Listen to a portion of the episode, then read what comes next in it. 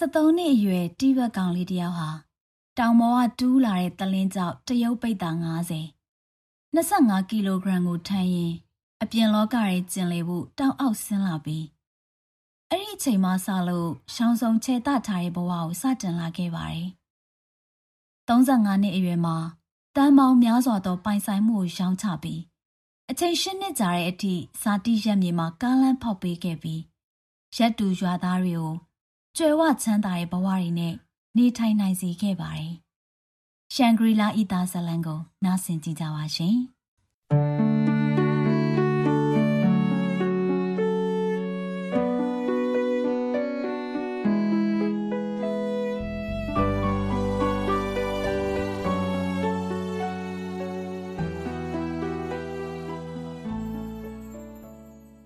စစ်နတင်ကျူးတို့ညီကိုနှစ်ယောက်ဟာတောလန်းလေးကနေ ပါလာရွာသို့အပြေးပြန်လာခဲ့ပါတယ်။ရွာကိုပြန်ရောက်တဲ့အခါမှာတော့ညတကောင်ဖြစ်နေပါပြီ။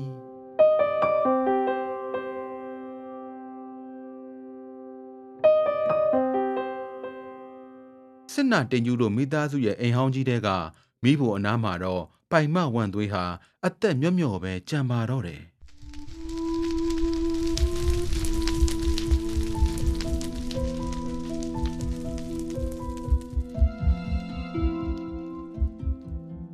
စစ်နာတင်ကျူးဟာအိမ်ထဲရောက်တာနဲ့သူ့အဖေရှေ့မှာဒူးထောက်ချလိုက်ပါတယ်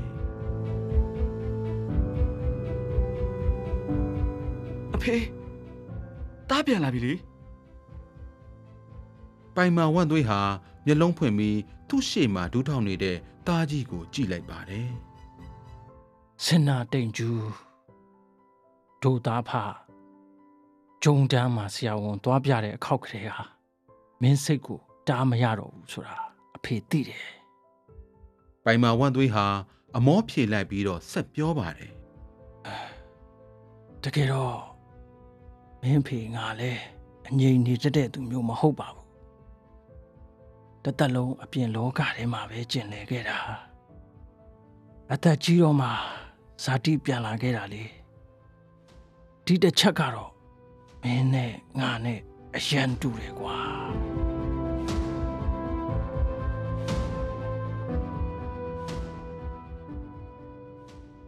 ပိုင်မာဝန့်သွေးဟာတရောင်စစ်ကိုအားပြုပြီးထထိုင်လိုက်ပါတယ်မင်းကစော်ဘွားစစ်နာရဲ့မျိုးဆက်ကို့မျိုးနွယ်စုရဲ့အကျိုးကိုဆောင်ရမယ်ဒါကမင်းရဲ့ကံကြမ္မာပဲလွန်ခဲ့တဲ့နှစ်ပေါင်း1300ကျော်တုန်းကစော်ဘွားစစ်နာမျိုးနွယ်စုတွေကိုခေါ်ပြီးဒီနေရာမှာ စစ်ဘေးရှောင်ခဲ့တယ်ဒီနေ့မှာမင်းကဒိုးလူမျိုးတွေကိုဥဆောင်ပြီးဒီတောင်ပေါ်ကပြန်ထွက်သွားရမယ်မင်းမေးလို့မဖြစ်ဘူးနော်မေးလို့မဖြစ်ဘူးအဖေအဖေ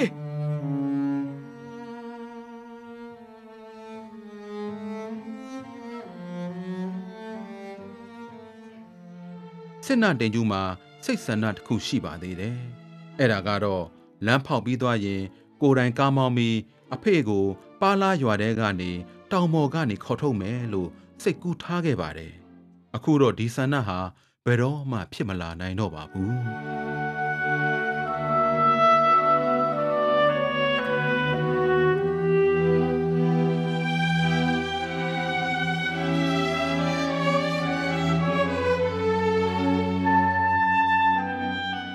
ဖေဆုံးသွားပြီးနှစ်လအကြာမှာကားလမ်းဖောက်လို့ပြီးစီးသွားခဲ့ပါတယ်။35ကီလိုမီတာရှည်လျားပြီးအကျယ်6မီတာရှိသောပိုင်ယိုအဝေးပြေးကားလမ်းမကြီးတစ်ခုဟာအမှတ်214အဝေးပြေးကားလမ်းမကြီးကနေပါလာရွာထိပ်အထိလမ်းဖောက်ထားပါတယ်။ပါလာရွာကနေခရိုင်မြို့အထိကိုအရင်တုန်းက၄-၅ရက်ကြာအောင်လမ်းလျှောက်သွားရပါတယ်။အခုတော့ကားမောင်းသွားရင်တနအီကျော်ပဲကြာမြင့်ပါတယ်။လမ်းမကြီးတစ်လျှောက်ကကြေးရွာတွေဟာ ကားလက်မှပတ်ရောက်သွားတဲ့အပြင်လျှက်စစ်ဓာတ်နဲ့မိုဘိုင်းဖုန်းလိုင်းတွေပါတွေ့တန်းနိုင်လာပါတယ်။လူကြီးတွေဟာထူးထူးဆန်းဆန်းနဲ့မီးအိမ်ကျိုးကိုဆွဲလိုက်မီးလုံးကိုကြည့်လိုက် ဖွင့်လိုက်ပိတ်လိုက်ပိတ်လိုက်ဖွင့်လိုက်နဲ့လုံနေကြပါတယ်။အဲ့ဒီတနေ့ဟာ2008ခုနှစ်ရဲ့နှစ်သက်ကူးဖြစ်ပါတယ်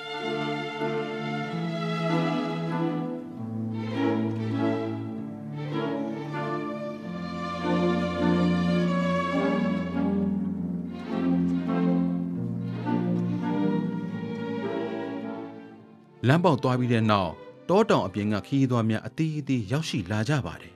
။ပါလာကဲကျုံဒေသကဒေသခံတွေဟာလည်းအတိတ်ကအမဲလိုက်ခြင်းမှုတ်ကောက်ခြင်းအလုပ်တွေကိုနှုတ်ဆက်ပြီးစစ်နာတင်ကျူးနဲ့အတူတူကုန်စည်ပို့ဆောင်မှုတွေခရီးသွားလုပ်ငန်းတွေလုပ်လာခဲ့ပြီးငွေရှာဖို့လမ်းကြောင်းတွေတဖြည်းဖြည်းပိုများလာပါတယ်။အခုအချိန်မှာရွာသားအယောက်300ကျော်ဟာတဘာဝရှုကင်းကုမ္ပဏီတွေမှာအလုပ်အကန့်ရလာပြီးတောတောင်တွေက ထွက်သွားခဲ့တဲ့လူငယ်အတော်များများဟာလည်းပြန်လာကြပါတယ်။အရင်တုန်းကရွာသားမိသားစုတစုကိုအမဲလိုက်ခြင်းမှုတ်ကောက်ခြင်းဖြင့်တစ်နှစ်ကိုဝင်ငွေယွမ်2000ဝန်းကျင်သာရခဲ့ပါတယ်။အခုတော့ခီးသွွားလုပ်ငန်းလုပ်ကိုင်သူတွေဟာတစ်နှစ်ကိုယွမ်3သိန်းဝင်ငွေရှိခဲ့ပါတယ်။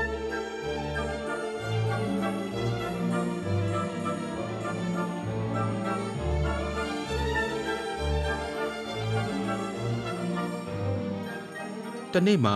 စစ်နာတင်ကျူဟာသူ့ရုံးခန်းထဲမှာထိုင်နေပြီးဇပွဲရှိကစရင်စရာကိုကြည့်ကလက်ထဲမှာကနန်းပေါင်းဆက်နဲ့တွက်ချက်နေပါတယ်။လမ်းဖောက်ခြင်းနဲ့ခီးသွွားလုပ်ငန်းတိဆောက်ရေးကြောင့်အကျွေးတင်ထားသောယွမ်သိန်း100ကျော်အကျွေးဟာဆက်လို့မပြီးသေးပါဘူး။ယွမ်သိန်း300ကျော်ယင်းနှိမြုပ်နှံမှုကအမျက်ပြန်ရဖို့ဟာအချိန်တော်တော်ကြာကြာစောင့်ရပါအောင်မယ်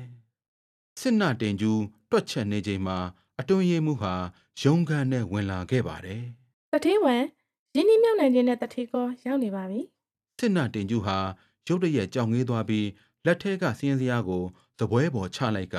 နယံပေါ်ကတိုင်ကက်နာရီကိုလှမ်းကြည့်လိုက်ပါတယ်။အော်အေး။သမင်းစားကျင်တော့ရောက်ပြီ။သူတို့ကိုစားတော့ဆိုင်တာတခါတည်းခေါ်သွားပြီးတော့နေရာစီစဉ်လိုက်။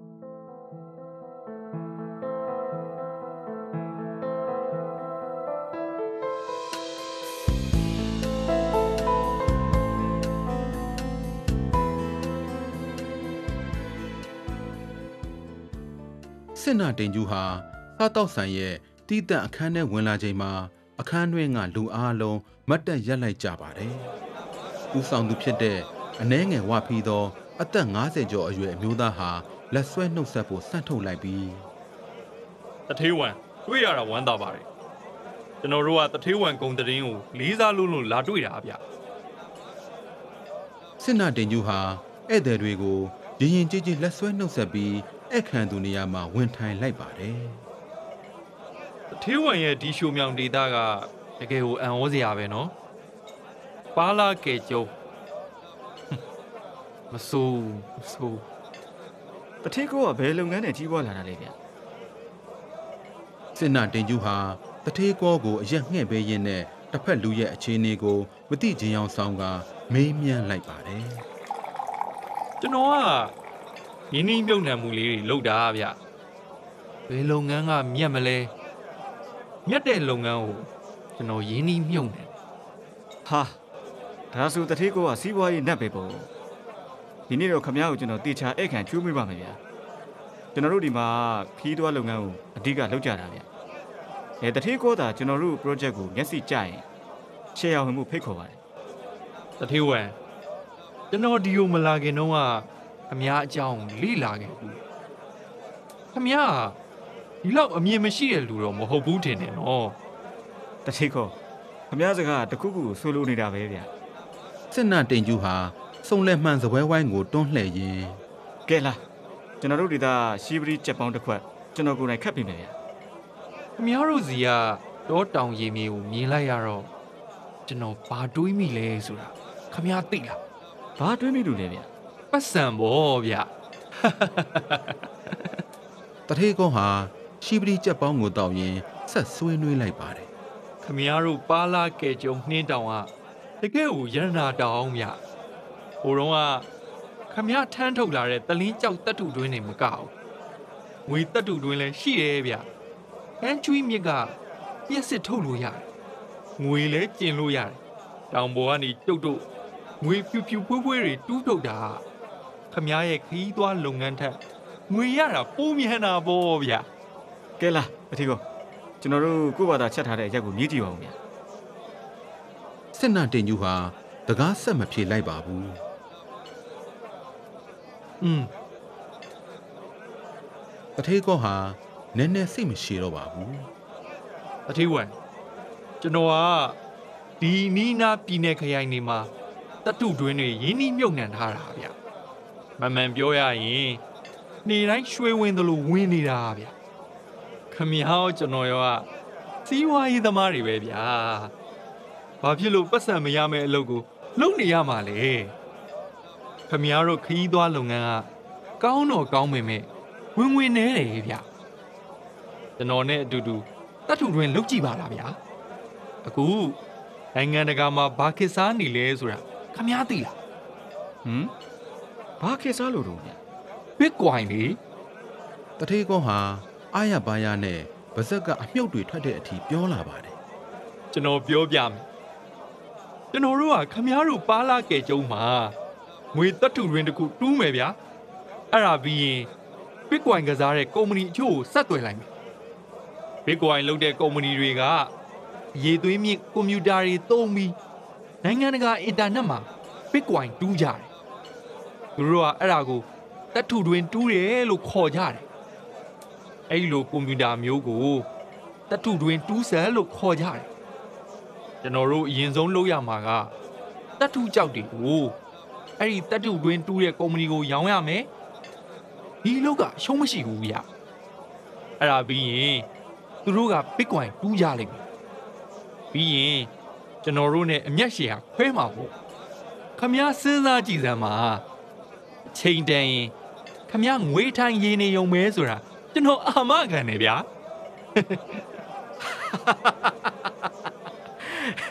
အာတတိကိုရဲ့စီးပွားရေးကြာမစိုးဘူးပဲဗျာစစ်နာတင်ကျူဟာရေမောလိုက်ပြီးတော့အရက်ခွက်ကင်မြောက်ကကဲလာပါကျွန်တော်တို့ခွက်တက်လိုက်ရအောင်ဗျာ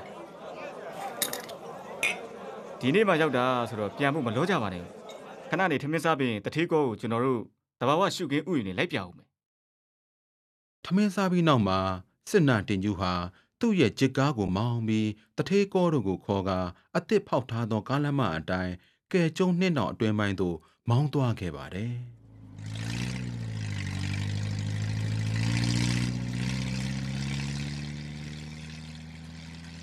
မော်တော်ကားဟာတောင်ပတ်လမ်းအတိုင်းမောင်းတက်လာခဲ့ပါတယ်ကားပြတင်းပေါက်ရဲ့ဘေးနှစ်ဖက်မှာငကိုယ်တုံးကစိမ့်ဆူအုံမိုင်းနေတဲ့တစ်တောတွေရှိနေပြီးတော့ အမြင့်ကိုရောက်လေလေတစ်ပင်တစ်တော်များကျဲလာကစီးနှင်းတွေစပေါ်လာပါပြီလမ်းရဲ့ဘေးနှစ်ဖက်မှာတဘာဝစာမရီနွားအချို့ဟာမကြမကြပေါ်လာတတ်ပါတယ်အပေါ်ကိုလှမ်းကြည့်လိုက်ရင်နှင်းတောင်ကြီးဟာအပြာရောင်မိုးကောင်းကင်ရဲ့တွဲဖက်တင်ဟန့်ပြမှုကြောင့်ကြီးကျယ်ခမ်းနားနေပါတယ်ကားအတွင်းမှာလေထုတွေစတင်လျော့နေလာပြီးတထေးကော့ရဲ့အမူအရာဟာခုနတုန်းကအလုတ်ကြီးကျယ်မှုတွေပြောနေတဲ့အမူအရာမှတဖြည်းဖြည်း လေးစားတဲ့အမူအရာတွေပြောင်းလာပါတယ်ဂျစ်ကားဟာကားလက်မကြီးရဲ့အဆုံးအထိမောင်းနှင်လာပါတယ်ရှေ့ဆက်မောင်းသွားရင်တော့လမ်းမရှိတော့ပါဘူး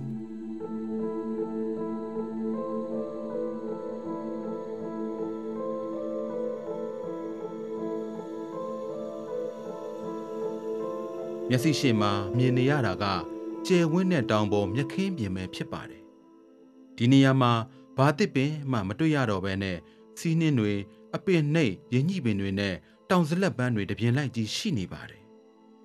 စစ်နာတင်ကျူးဟာတထေးကောတို့ကိုခေါ်ပြီးကားပေါ်မှာဆင်းကတောင်ပေါ်မြက်ခင်းပြင်မှာအေးအေးလူလူလမ်းလျှောက်နေပါတယ်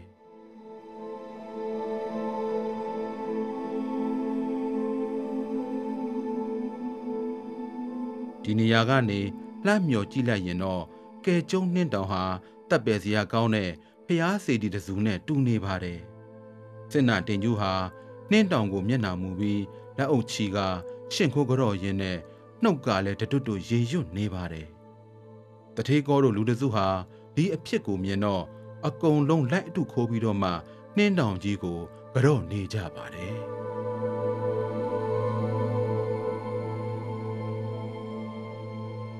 တတိကို ကျွန်တော်ဟိုတုန်းကဒီကားလမ်းကိုဖောက်တော့အတော်ကြီးတယောက်ကကျွန်တော်ကိုပါရိုက်ခဲ့ဘူးလေစစ်နာတင်ကျူးဟာနှင်းတောင်ကြီးကိုကြည့်ပြီးသူ့ဘာသာသူဆက်ပြောနေပါတယ်သူကကျွန်တော်ကိုဒိုင်နမိုက်တွေဖောက်တောင်ကိုဖောက်ရင်တောင်ဆောင်တဲ့စီကအမျက်ရှာလိမ့်မယ်လို့ပြောတယ်သူပြောတာမှန်တယ်ဗျစစ်နာတင်ကျူးဟာစကားတစ်ချက်ရက်လိုက်ပြီးတော့မှဆက်ပြောပါတယ်ကျွန်တော်ကဒီတောင်ကြီးရဲ့သားဗျကျွန်တော်တို့အမြဲတမ်းဒီတောင်ကြီးစီက တစ်ဖက်သက်ရယူလို့မဖြစ်ဘူးလို့ထင်တယ်ဒီလိုလောက်တာအရန်တကူကောင်ဆန်လုံးနေဗျ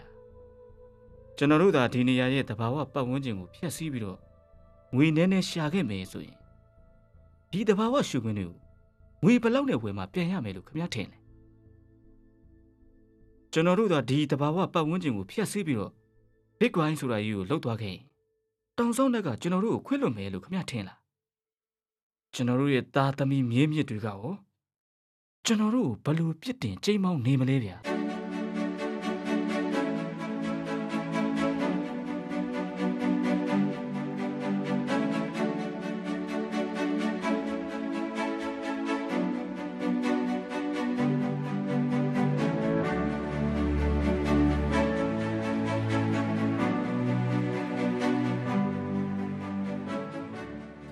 လန်ကိုရေးသားသူကတော့ဝင်းဆန္ဒဖြစ်ပါတယ်ရှင်